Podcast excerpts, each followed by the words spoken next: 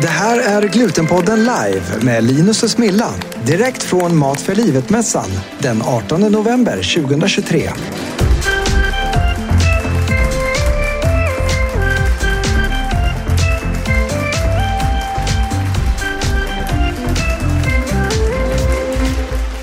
Varmt välkomna till Glutenpodden live!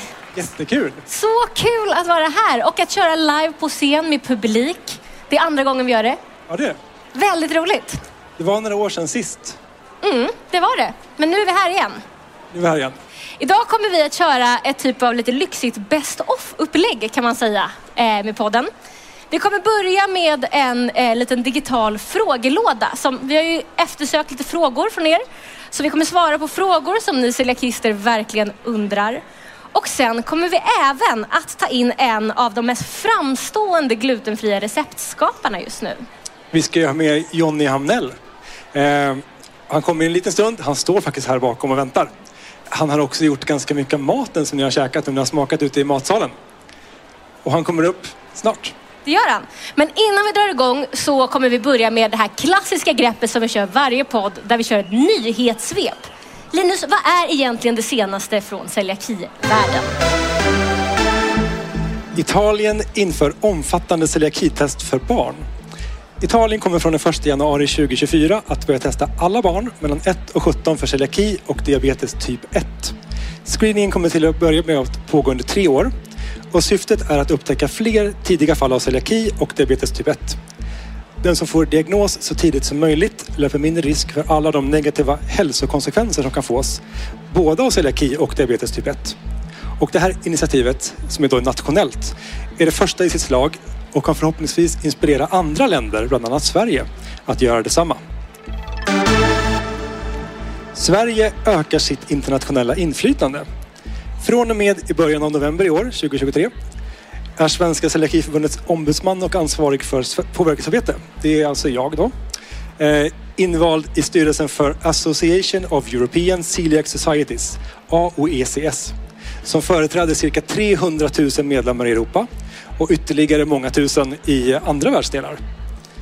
Jag kommer då i den här nya rollen att sätta fokus på internationellt påverkansarbete eh, och möjliggöra omfattande förbättringar för personer med celiaki världen över. Roligt. Grattis får man säga till din nya roll. Tack! Och eh, sjukt spännande tycker jag med det här med Italiens screening. Tror du att det kommer att ske i Sverige också? Att man börjar testa? Jag hoppas verkligen det. Vi har flera svenska forskare som också håller på och kikar på just det här med screening i Sverige. Mm. Eh, och även internationellt. Och det verkar som att man, man börjar vara ganska överens om att screening på celiaki och diabetes typ 1, det är framtiden. Mm. För att om man screenar så hittar man människor tidigt och slipper de här hälsoeffekterna men även samhällsekonomiska negativa effekter på sikt. Kul, det får vi följa. Ja. Men eh, vi rullar vidare. Vi har ju fått in eh, en himla massa frågor genom dels Instagram men också vår digitala frågelåda som vi har haft här på mässan. Eh, man når den här frågelådan genom den här QR-koden. Den har suttit lite överallt här. Och vi har valt ut fem frågor nu på förhand som vi kommer att lyfta. Och jag tycker vi kör igång direkt bara. Det gör vi. Första frågan lyder så här. Vilket försäkringsbolag är bäst ur celiakiperspektiv? Jag har själv celiaki och tänker på mina barn som då löper ökad risk för att få det. Vilket försäkringsbolag ska jag välja? Ja, och då är det som så att den här frågan kommer ju lite grann ibland. Eh, man vill kunna försäkra sig. Mm. Jag har valt att kolla då på Konsumenternas försäkringsbyrå som är de som liksom verkligen går igenom och granskar försäkringar, försäkringsbolagen. De är ju liksom delägda eller deldrivna av försäkringsbranschen och Konsumentverket och liksom massa olika. Så de, de bör man kunna lita på. Eh, de har rankat fem stycken försäkringsbolag. Det finns flera som har olika försäkringar. Det, kan man, det får man kika själv. Men de, av de fem stora så är det så att Folksam, Länsförsäkringar och Trygg Hansa. De har just nu Eh, försäkring där man inkluderar celiaki. Om man då får celiaki-diagnos så kan man få ersättning från de här försäkringsbolagen. Eh, andra har inte det. De som finns med där är If och eh, Dina försäkringar heter de. De har inte celiaki med. Så att när du tecknar en försäkring, håll koll på att verkligen celiaki finns med. Varje år får du dessutom ett försäkringsbrev när du tecknar försäkringen på nytt eller förlänger den. Där får du hålla koll igen. De kan ju ta bort saker och förändra såklart. Så att håll koll varje år du förnyar på att det verkligen är så. Eh, sen är det bra att tänka på att vid celiaki så får man 2% av det här försäkringsbeloppet som man har valt. Eh, så det är kanske inte jättemycket, men det är ändå någon peng. De som inte har koll helt på vad det liksom handlar om. Det handlar ju om att om man får sjukdomen och är försäkrad kan man få cash. Det, Exakt. det, är det, det, Exakt. det är det vi pratar om. Ja. Ja. Och då ska man alltså välja eh, Folksam, Länsförsäkringar eller Trygg-Hansa. Mycket bra. Ja. Vi kör nästa fråga. Jag har läst att man kan äta upp till 3 deciliter vanliga havregryn per dag. Stämmer det? Eh, kan och kan. Man kan ju äta vad man vill faktiskt. Eh, men Det är sen sjukt mycket med 3 deciliter. Havregryn, Ja. eller havregrynsgröt är typ en, en deciliter. Ja, man får ta en rejäl, en rejäl grötbit. Ja. Eh, men det är ju så att det som rekommenderas är att äta vanlig havregryn inte. Inte alls. Nej. Glutenfria havregryn däremot. Ja. Det kan man käka. Eh, vanliga havregryn kan vara kontaminerade av gluten och det kan vara ganska höga halter. Eh, och det vet man ju inte förrän man analyserar dem. Och jag tänker det är inte många som skickar iväg sitt, sitt paket på analys för en tusenlapp för att sen käka gröt på det. Utan man vill ju veta redan på förväg, innan man gör gröten, att den är säker. Så då får man välja glutenfria havregryn. Men typ om man är eh, på en, ett café och det är chokladbollar så står det så glutenfritt men bakat med vanligt havre. OK eller inte OK? Den märkningen är inte tillåten i Sverige så då får man ta och gå in på anmälmaten.nu. Eh, det ska stå glutenfritt Ja. eller ingenting alls. Det Men kan man äta den eller inte? oklart. Eh, Den märkningen betyder ju ingenting. Det kan liksom vara, vi vet inte vad det betyder. Nej. Om det står glutenfritt, då är det säkert. Står det inte glutenfritt, då vet vi inte vad det betyder. Det kan vara säkert, det kan också inte vara säkert. Vi håller oss till glutenfri havre helt enkelt. Ja. Det gör vi. Eh, nästa fråga. Eh, det här tyckte jag också, också var spännande. Eh, angående ärftlighet, kan man ta reda på om till exempel ens barnbarn har ärvt glutengenen från sig själv? Det kan man faktiskt. Kan det man? finns liksom då gentester. Ja. Så man kan se om, om de här generna som, som behövs för att kunna utveckla celiaki, om de finns hos en viss person, så kan man kolla det. Man kan kolla hos sig själv eller hos, hos andra. Eh, sen är det så att i Sverige så räknar man med att ungefär hälften av alla människor har de här generna som krävs. Så att det säger ju inte jätte, jättemycket. Nej. Eh, och sen är det, man räknar med att det kanske då är 1-3 procent som får diagnosen. Och om hälften har det så blir det då 2-6 procent som får diagnos. Så det är ganska få av de som kan få celiaki som faktiskt får det. Eh, så att man kan göra gentest. Men sen måste man ändå kolla upp då med jämna mellanrum. Om man har då en, till exempel en släkting, en farmor eller mamma eller moster eller vad det kan som har celiaki. Att man kollar upp då med jämna mellanrum att man har celiaki eller inte. Förstår. Spännande. Jag är själv sugen på att te- testa runt. Eh, vi går vidare till nästa fråga. Stärkelse och extrakt överlag. Vad är det som gäller egentligen? Och här gissar jag då att man syftar på till exempel vetestärkelse eller kornmaltextrakt. Det är nog en bra gissning tror jag. Jag är Eh, själv osäker på vad som gäller efter alla dessa år, trots podd Ja. och allting. Ja, men det är, alltså just när det gäller extrakt har man ju till exempel i, i julmust. Ja. Så brukar det vara kornmaltsextrakt eller kornmaltsessens. Eh, när de har kollat och när de tillverkar så brukar de mäta glutenhalten och det brukar inte vara någon glutenhalt i extraktet som sen blandas ut i vatten eh, för att bli julmust. Så att det bör vara en ganska låg glutenhalt om ens någon i liksom då, de som görs av det här extraktet bara. Men sen om man tänker julmust så kan man ju också göra julmust som... Nu spoilar du nästa fråga, den handlar bara om julmust. Ja, men, åh vad dumt. Men du kan fortsätta prata om det. Vi kör på. Vi kör på. Eh, det hänger ihop tyvärr. Men det är så att alltså, när man- när man då har julmust till exempel, eller andra saker, så kan man göra det på andra sätt än att man då häller extrakt i vatten. Mm. Man kan också göra lite som med öl, att man brygger det. Liksom. Eh, och sen då tillsätter enzymer som drar ner glutenhalten, bryter sönder proteinerna så att de blir ofarliga. Eh, så det gäller att kolla vilken sorts julmust, julmust man köper. Så att man vet då, eh, är det, väldigt lite, är det mest vatten bara? Eller kan det också vara liksom gluten i den? Och om det då gäller eh, de här vanliga typ apotekarnas, ICAs så. Är, de, är det mest tillsatt kornmalt? Det brukar vara tillsatt till vatten. Alltså man har det som en liten essens som tillverkas av ett företag. Kommer inte ihåg det är ett företag som gör den här essensen i alla fall. Som man då tillsätter i vatten. Det ska vara hyfsat säkert. Men sen ska man ändå tänka sig att drick inte för mycket ändå. Det är liksom, det är massa socker. Det är, det är inte bara nyttigt. Ja, men det är inte vårt uppdrag att Nej, det är det inte. om. Men eh, jag tänker, eh, om vi nu pratar om just julmust. Man ska kolla om det är ett extrakt eller om den är bryggd. Hur ska jag veta om, den är, om det är ett extrakt eller bryggt? Står det på Det ingredienserna? står extrakt. Det står liksom innehåller vatten, socker. då kornmaltsextrakt eller Förstår. något sånt där. Jag fattar. Ehm, annars står det att det innehåller då liksom, att den är liksom en, en bryggd öl. Det finns glutenfri sån bryggd ehm, julmust. Men det finns Mm. också sånt som inte är glutenfri. Så där får man hålla lite koll på vilken man kan dricka eller inte. Och om vi då går tillbaka till frågan egentligen som handlade om Ja, stärkelse. frågan. Och, Ja. Nej men eh, hur är det med vetestärkelse? Ska vi dra det också? Det är vi väl ändå många som undrar. Ja, men det tror jag. Det är, det är en vanlig fråga. Vi fick in den kanske tio gånger till den här Ja. Jag har lådan. fått den redan här idag. Ja. Är det i mitt lilla frågebås. Ehm, nej men det är så att när det gäller vanlig vetestärkelse så var den ju säga, tillåten förut för, vad blir det, Ehm, 10-12 år sedan så sa man att vetestärkelse var okej. Så man kunde till exempel äta då Pringles chips som var gjorda av vetestärkelse. Mm. Så växte jag upp. Ja. Vetestärkelse är okej, Pringles chips okej. En kanonvärld Ja, det är en i. jättebra värld. Sen blev världen väldigt dålig när man kom på då att det är ju inte bra. Nej. Det är ju inte bra att käka jättemycket gluten så då, då sänkte man gränsen då eh, till 20 ppm. Det är den gränsen vi har idag. För, förut kallades det naturligt glutenfritt. Men eftersom man då sänkte gränsen för glutenfritt till 20 ppm så har vi bara glutenfritt idag. Ehm, och då är det så att då finns det glutenfri vetestärkelse. Det är det man ska väl- välja då man har celiaki. För I vetestärkelse så vet man inte hur mycket gluten det finns. Det kan vara väldigt lite men det kan också vara väldigt mycket. Samma som med havre och även bovete. Det kan vara nästan ingenting alls eller det kan vara mycket. Så att eh, stärkelse, vetestärkelse, välj glutenfri om du har celiaki. Men ibland ser jag att det dyker upp i så här frågeforum på Facebook typ. Någon som lägger upp att det är en glutenfri förpackning, alltså det är liksom en glutenfri pasta eller någonting. Och sen så står det bara vetestärkelse i ingredienserna. Vad gäller då? Det står inte glutenfri vetestärkelse, men det är liksom en glutenfritt brandad Ja. produkt. Man kan ju gissa att den är glutenfri men jag skulle säga att man får kontakta dem nästan då. Ja. Eh, Då kan man också gå in på anmälmaten.nu och liksom påtala för det. Är det glutenfri ska det ju stå det. Men om den har den här alltså, symbolen, Ja, den där symbolen, har den symbolen där uppe. Ja. Eh, då ska är det väl ändå vara- glutenfri vetestärkelse i den? Då ska den ju vara glu- glutenfri. Och då är det, den här symbolen innebär ju att den är licensierad av Svenska Celiakiförbundet eller polska eller danska eller vilka det nu kan vara i Europa.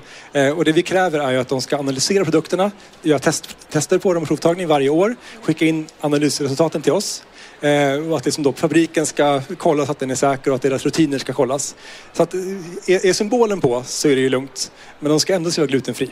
Ja, då kan man säga lite så, får de lite bakläxa om man anmäler dem. Yes. Bra. Sista frågan handlade ju om julmust, men det har ju du redan berättat så fint att det är okej om det är kornmaltextrakt, Ja. men inte om den är bryggd. Nej. Jättebra. Vi pausar frågelådan lite nu då.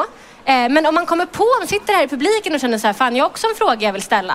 Då kan man alltså scanna den här QR-koden med sin mobilkamera och skicka in en fråga. För vi har frågelådan öppen här och vi kommer att ko- återkomma till den i slutet av avsnittet.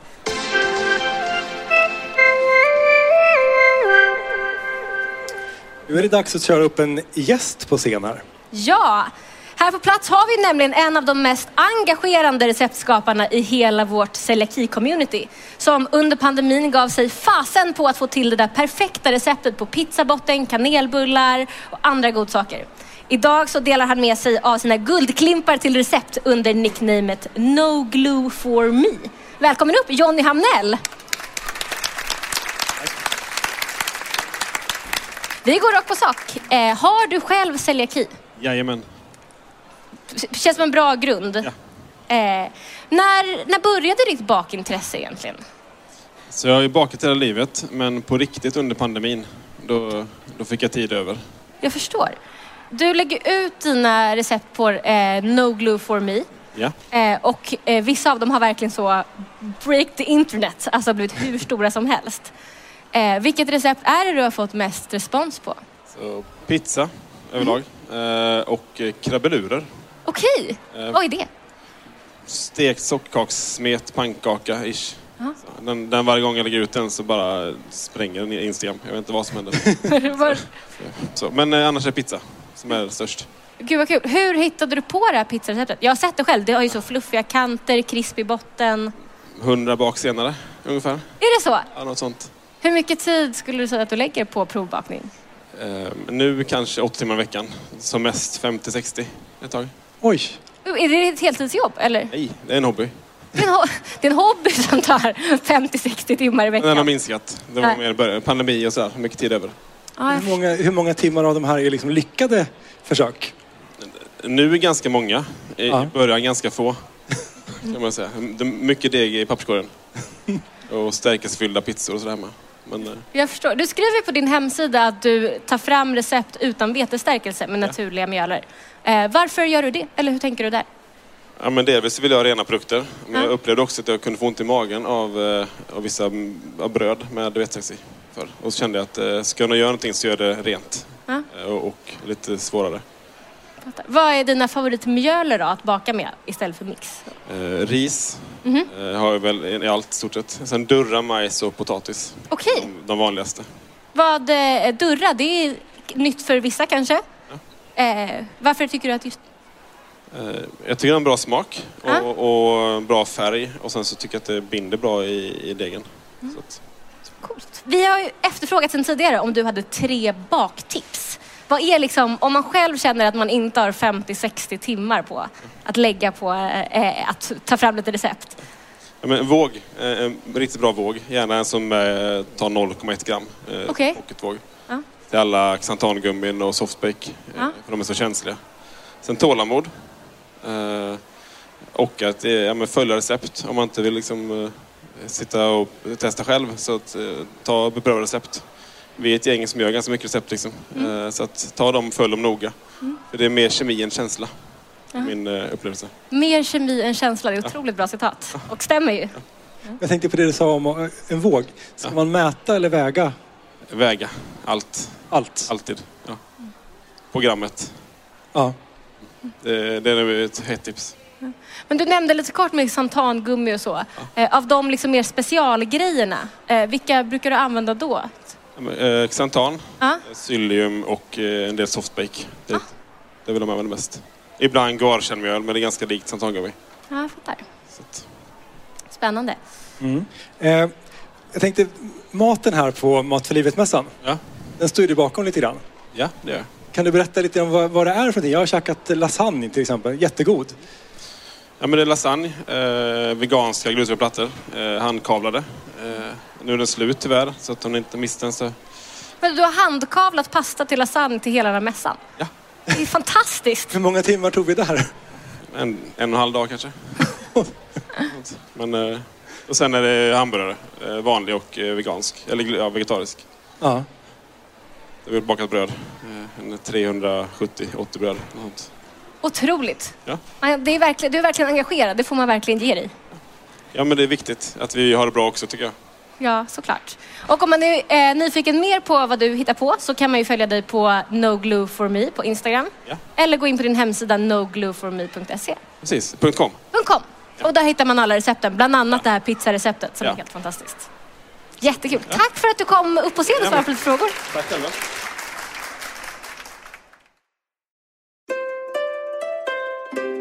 Under våren sponsras Glutenpodden av Celiakiföreningen i Skåne län som hostar södra Sveriges största glutenfria mässa, Det goda livet. Ja, välkommen den 25 maj till Malmömässan i Hyllie för att tillsammans med oss fira mässans 10-årsjubileum.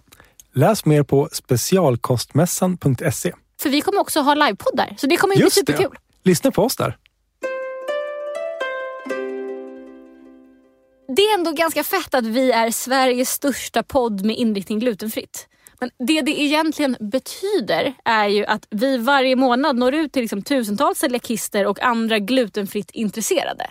Ja, och jobbar just du på ett företag som tar fram glutenfria produkter eller ett företag som pysslar med någonting helt annat men tycker att celiaki är en viktig fråga eller våra lyssnare är en viktig målgrupp att nå ut till, då kan ni ju sponsra oss.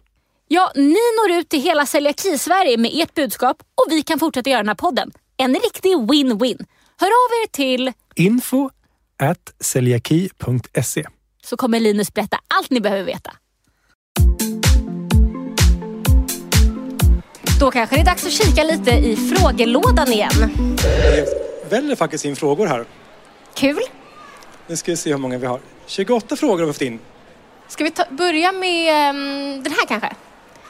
Eh, jag har hört att det kan vara gluten i risvinäger som används för att göra sushi-ris. Är sushi glutenfritt? Om det är vinäger som är destillerad, så samma sak som med liksom då starksprit. Ja. Om man destillerar det, liksom då, hettar upp det och några gånger och det flyter runt och liksom det ångas upp och sånt där. Då är det inte några glutenproteiner kvar. Nej. Men hur ska jag veta om jag går till min lokala sushi om den är destillerad? Fråga. Men brukar den vara destillerad? Den brukar vara destillerat, men, men ändå. Fråga för säkerhets skull. Man vet aldrig riktigt om de, om de använder vanlig vinäger eller livsmedelsvinäger.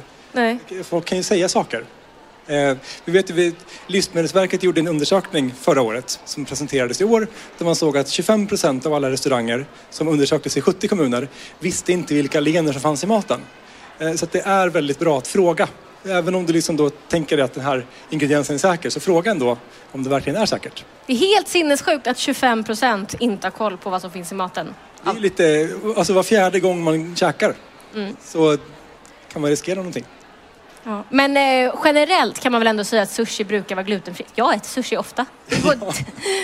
Ja men generellt är det nog det. ja. Men Jag tycker ändå, fråga alltid ändå. För det, sagt, det, det finns många som inte har koll. Som kanske kan råka lägga till en ingrediens som är, vi pratat tidigare om eh, rostad, rostad lök. ja, alltså hatar rostad lök. Va- Det, det är liksom bara kom in i sushivärlden och Ja. förstörde all sushi. Folk håller på och sprinklar överallt. Och det tänker de kanske inte på att det är, det är gluten. Nej. Men eh, risvinägen borde ändå vara glutenfri kan vi ändå konstatera om det inte är liksom någon jättespecialversion. Ja. Bra. Kör nästa fråga. Vad kan man göra när man har fått i sig gluten? Alltså för att må bättre? Den är lite klurig faktiskt. Ja. Eh, det finns väl lika många svar som det finns människor med celiaki. Men generellt så ska man ju såklart undvika att sig gluten. Sen är det här då att väldigt många har inte koll och kommer att ge dig gluten fast du inte vill ha det.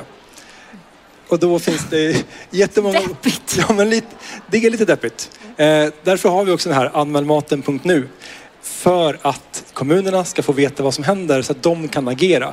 I dagsläget så är det väldigt få som anmäler saker till kommunen. Man, man säger till på restaurangen, man kanske blir lite arg eller man blir ledsen eller sånt där. Man säger man till att nu gjorde ni fel, nu får ni göra rätt nästa gång. Och så säger de att tack för informationen, förlåt. Och sen är det en ny dag. Eh, om man anmäler till kommunen genom våran hemsida då, www.anmälmaten.nu. Eh, Då får kommunen veta det. De får gå ut och snacka med dem. De skriver upp en liten, en liten bock i tabellen och vet att den här restaurangen blev anmäld för det här. De får ha lite extra koll på nästa gång. Eh, Så kommer det på sikt att bli bättre och de här 25 procenten kommer att minska. Det är bra. Men om man nu ändå har fått i sig gluten då? Ja, Och då är, lindra sina smärtor? Då är det så att det verkar som att vissa människor kan kanske typ äta någon frukt exempelvis som kan hjälpa till. Eh, andra kan äta någonting annat, man kan dricka någonting. Men generellt finns det ingenting som man kan göra som funkar för alla. Utan de får liksom testa sig fram. Helst ska det ju inte hända såklart. Men om det händer så får man testa lite grann, lite vad som helst skulle jag säga. Jag har hört, det känns som att det finns en utbredd uppfattning om att man kan äta grönt syrligt äpple eller ostbågar och att det ska Ja. liksom lindra besvären. Många säger att det funkar. Ja. Eh, så att, testa det. Om man tål, om man tål liksom allting som finns i dem. Men och sen så finns det ju de här äh, gluten go-pillrerna som Ja. vi med celiaki inte kan äh, liksom må bra av. Men det finns också någon typ av uppfattning om att om man äter ett sånt piller när man har fått i sig gluten, att det skulle lindra besvären. Stämmer det? Ja, alltså, människor kan ju reagera på lite vad som helst. Alltså man kan ju äta sockerpiller eller gluten go-piller. Men gluten go-piller hjälper inte mot liksom att eh, så här, ta bort någon inflammation i tarmen eller att minska något sånt där. Så de är verkningslösa för människor med celiaki. Sen kan det vara så att man känner sig bättre om man tar ett piller. Men det kan också funka om man äter vad som helst annat. Men gluten go ska man inte använda om man har celiaki. Det ska man undvika som, inte som pesten, men i alla fall ät inte det, fuska inte liksom med gluten go. För det funkar inte. Det kan kännas bra men det, tarmen mår inte bra av det. Bra, tydligt svar. Jag såg en fråga förut här som jag tyckte var väldigt intressant. Det blir bara fler och fler frågor. Det är svårt att hålla koll nästan här. Ja, exakt. Vi har en fråga här också. Har Smilla celiaki? Undrar någon. Ja, det har jag. Det är därför jag står här och programleder den här podden. Men jag fick celiaki när jag var fem år gammal. Eh, och har jobbat med glutenfritt sedan jag var 15 typ. Och bloggade på glutenfrittliv.se. Men nu har jag hittat den här frågan som jag tänkte på. Som jag tyckte var sjukt upprörande. Eh, Borde det inte vara ett jämställt bidrag för tjejer och killar 2023? I Gävleborgs län så skiljer det sig åt. Det visste inte jag. Får man olika mycket pengar om man är tjej eller kille i Gävleborgs län? Jag tror att de hänger kvar i det. Eh, det är så att det finns lite uträkningar från Konsumentverket som har gjort uträkningar på då merkostnad för glutenfri kost och laktosfri kost under många år. Sen slutade de med det eh, och sen började de igen för två år sedan tror jag att det var. Eh, tidigare har de kollat på liksom hur det skiljer sig mellan män och kvinnor i olika åldersgrupper. Eftersom det är, kvinnor och män är oftast olika stora och har olika stort energibehov. Och då har man räknat ut hur mycket de behöver extra för liksom då ålder och kön.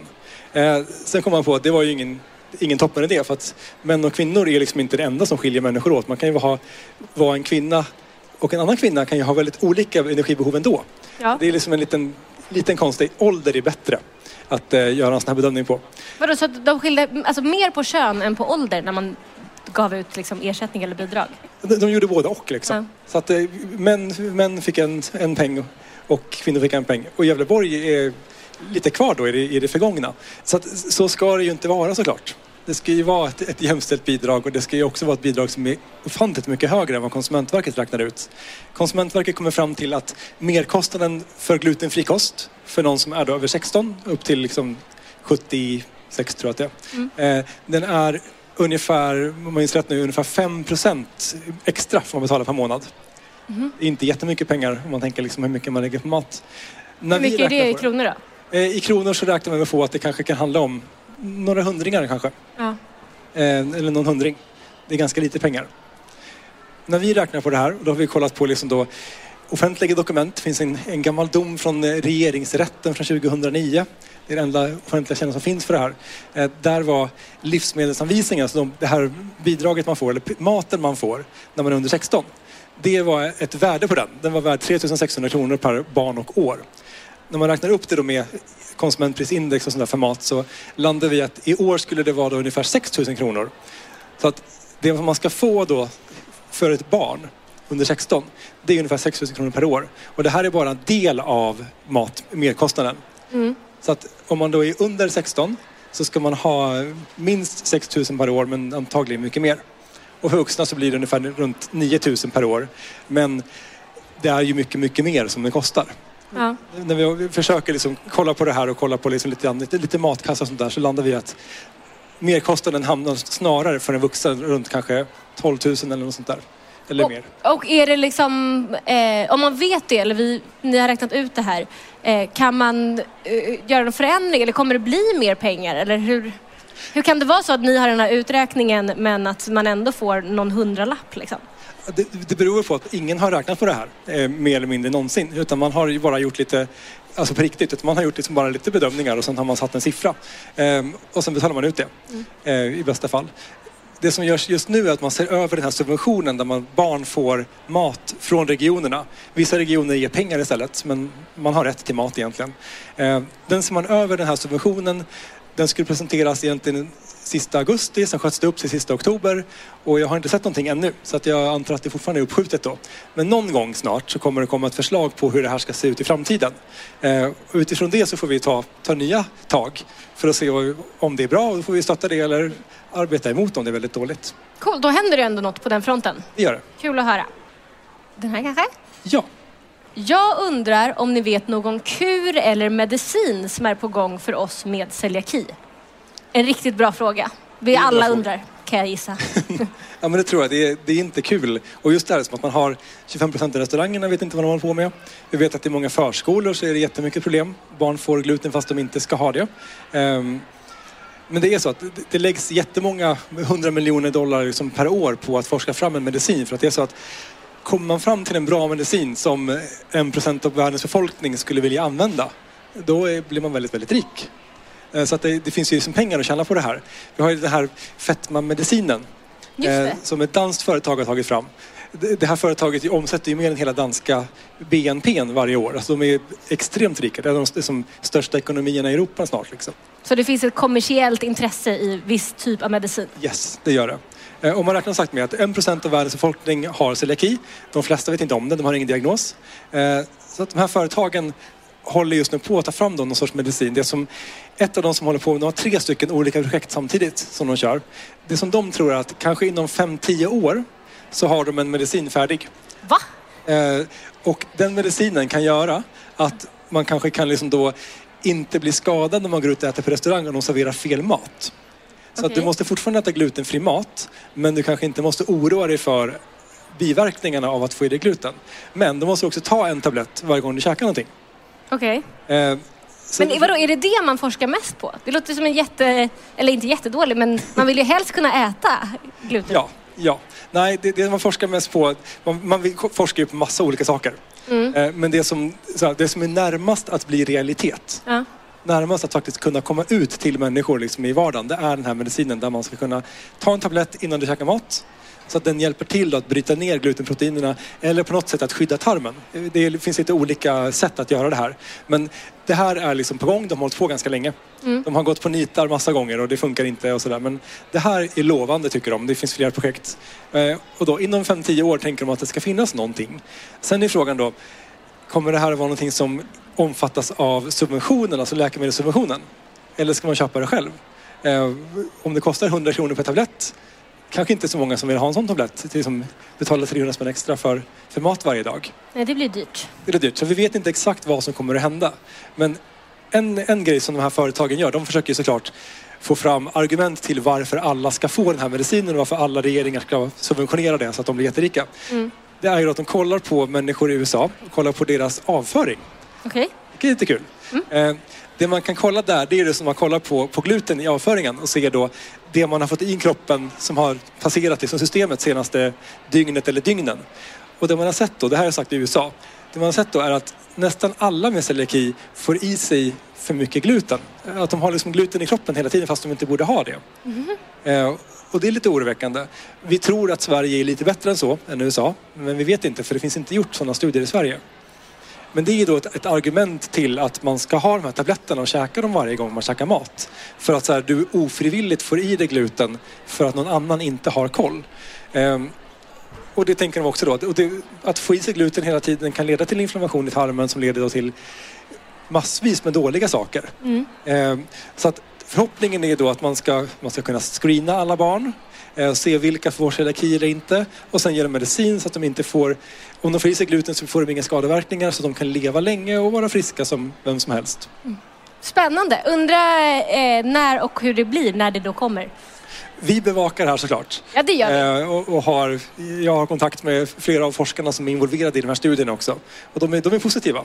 Coolt. Du är liksom nyckeln in till den här glutenfria forskarvärlden. Ja. Ja, spännande. Vi har en eh, livefråga kanske, eller? Vi har en mikrofon här. Så, ja, mitt Ja. namn är Margareta Norrbom. Jag har haft celiaki i 20 år och ätit på kaféer och konditorier åtskilliga chokladbiskvier. För det är vad man får rekommenderat när man kommer och säger kan jag få beställa en ostsmörgås också till kaffet? Men se det visar sig ju vara fullständigt omöjligt på de allra flesta konditorier. Och då undrar jag, kan man tänka sig att ni kunde jobba lite hårt för att eh, de tar hem en limpa och lägger det i frysen så att de kan fixa en ostmacka åt en när man kommer. Det visar sig ju att när det gäller pizza till exempel, då är det ju snart inga problem när man går ut. För då kan man få en pizza eh, glutenfri. Men när det gäller matbrödet då står det liksom i stamp. Och jag har till och med blivit riktigt utskälld för att jag har kommit med en sån otrevlig påstående att jag skulle vilja ha en ostsmörgås. Ja. Eh, men bra fråga tycker jag. Och jag kan verkligen känna igen mig i att det är svårt att få en macka på vissa bagerier eller Ja, konditorier. ja, det så. finns de som har fattat det. det. Ja. det. Har du några bra svar Linus? Eh, ja, alltså jag skulle säga att det här är liksom lite konsumentmakt att, att eh, vara väldigt tydlig med att man frågar efter det. Eh, vi, kan ju, alltså vi berättar ju om att människor med celiaki finns. Vi på, påverkar ju liksom såklart. Men just det här att vilka specifika företag som väljer att servera glutenfritt bröd eller inte, där har inte vi någon riktig makt. Utan det som, det som är att lyfta kunskapen om celiaki. Eh, det finns jättemånga människor i Sverige, det är någonstans runt 20-25 procent som väljer att köpa glutenfritt ofta eller mindre ofta. Människor med celiaki är ju någonstans, alltså de som vet om det, det är ju någonstans runt kanske en, en halv procent i Sverige, jag räknar man väl med. Kanske, kanske lite, lite mer, men någonstans där. De som faktiskt måste ha glutenfritt. Så det är väldigt, väldigt få. De som då köper glutenfritt mat, de flesta har inte celiakidiagnos, utan det är väldigt få då. Så att de flesta som köper det behöver inte glutenfritt. De kan fuska lite grann. Vissa av dem kan vara lite, lite högljudda, lite sura för att de inte får glutenfritt. människor med celiaki brukar inte vara lika irriterade och sura. Nej, Utan de, de brukar ge upp lite grann. Vi är alldeles för snälla. Lite för snälla. Men jag tycker också på liksom en personlig nivå att eh, man kanske har några fa- favoritkonditorier eller kaféer som man brukar gå till. Som är i närheten där man bor eller jobbar och så. Och där tycker jag i alla fall att jag har märkt att om man eh, återigen hela tiden frågar så här, kan, finns det glutenfritt? Kan ni fixa glutenfritt? Finns det glutenfritt? Om de märker att det finns en efterfrågan på det så eh, har man ju kanske som konsument störst makt att liksom faktiskt eh, få dem att köpa in den där limpan eller göra plats i frysen. Och jag vet att Skuff, vårt, vårt ungdomsförbund, de har ju liksom då en, en karta med ställen som har glutenfri mat runt om i Sverige. Eh, det är sådana saker som gör att folk söker sig till ställena eller väljer bort de som inte har glutenfritt eller, eller väljer de som har glutenfritt. Så att jag skulle säga det, det bästa man kan göra är ju att, som Smilla säger, att fråga efter glutenfritt. Ja. Men då, det andra det, det är att engagera sig i förbundet Ja. såklart och, och liksom då fortfarande gå ut som förbundsmedlem då liksom att, att prata men man kan ju även säga att man är medlem i förbundet eh, och gå ut och prata med företag och säga att ni borde ha glutenfritt också. Ja, ja, nu har jag tagit upp Ja, men tack så jättemycket för din fråga. Sista frågan då. Vilket straff får restauranger med flera som serverar gluten fast man bett om glutenfritt? Får de något straff, Linus? Ja, det första är ju då alltid att man måste ju göra en anmälan. Man måste ju gå in på, Anmälmaten.nu. tack, Så vad får de för straff? när det kommer in till kommunen så ska ju kommunen då kolla med de här företagen, eh, som, vad har hänt? Göra en utredning. Alla kommuner gör inte det här i dagsläget. Alla kommuner förstår inte att celiaki och gluten är någonting som man måste jobba med. Så därför är det att ju fler användare som kommer in, desto bättre kommer de att bli. Desto mer kommer de förstå att de måste jobba med det här. När kommunen då tar tag i det här så brukar de först prata med dem eh, per mail, telefon, åka ut på ett besök eh, och fråga då vad, vad är det som har hänt? Eh, redogöra för liksom då, vad blev fel? Gå igenom rutinerna, gå igenom kanske om de har märkning som är dålig eller vad det kan vara för någonting som har blivit fel. Men de måste göra någonting. Sen kan det hända så att de säger att "Nej, men ni måste ju fixa i ordning den här grejen. Annars så kan ni få någon straff. Det är väldigt sällan som man liksom bara direkt går ut och ger dem böter. Men har det hänt att en restaurang får böter för att den serverar glutenmat? Ja. Eh, Har det? Jag skulle säga att i de här frågorna så är Malmö stad eh, längst fram i Sverige eh, vad det gäller det här. Där är det så att man har flera gånger gett liksom då vite till kommunala skolor exempelvis som har gett fel mat till barn. Eh, även restauranger. Man kan få liksom då, jag har ett, ett exempel från eh, Kalix tror jag att det var, inte Malmö då. Eh, där man stängde ner en restaurang som hade då väldigt osäker hantering. Det var både gluten och andra lener jättedålig hantering och sa att nu får ni stänga, det här går inte. Det här är jättefarligt. När ni har gjort i ordning, ni har liksom städat restaurangen, ni har åtgärdat alla brister, då får ni öppna igen. Om ni inte sköter det här, då kan det bli fråga liksom då om att man får betala böter till kommunen. Eh, kommunerna kan alltså, de kan stänga företag temporärt eller liksom bara helt så, nu får ni inte servera mat, punkt. Eh, de kan också ge böter. flesta kommunerna gör inte så här idag.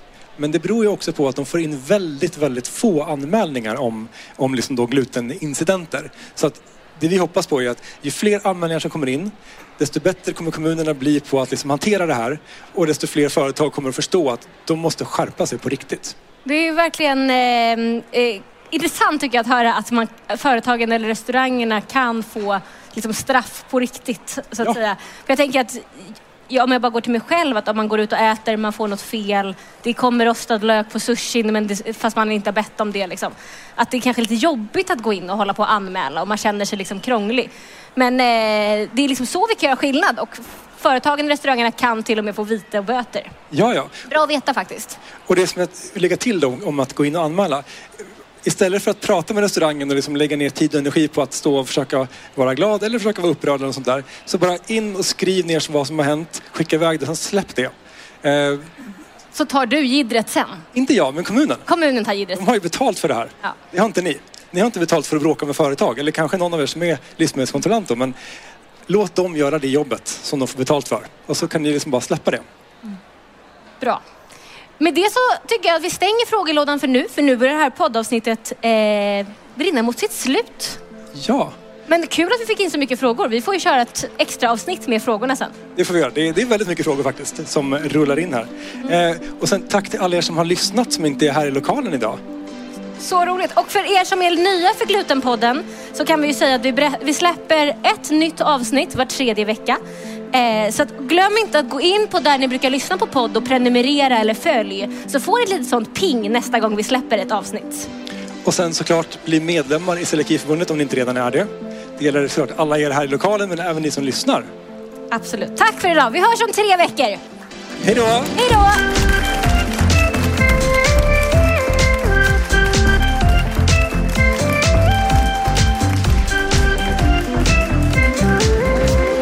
Det här programmet görs på Beppo. Beppo.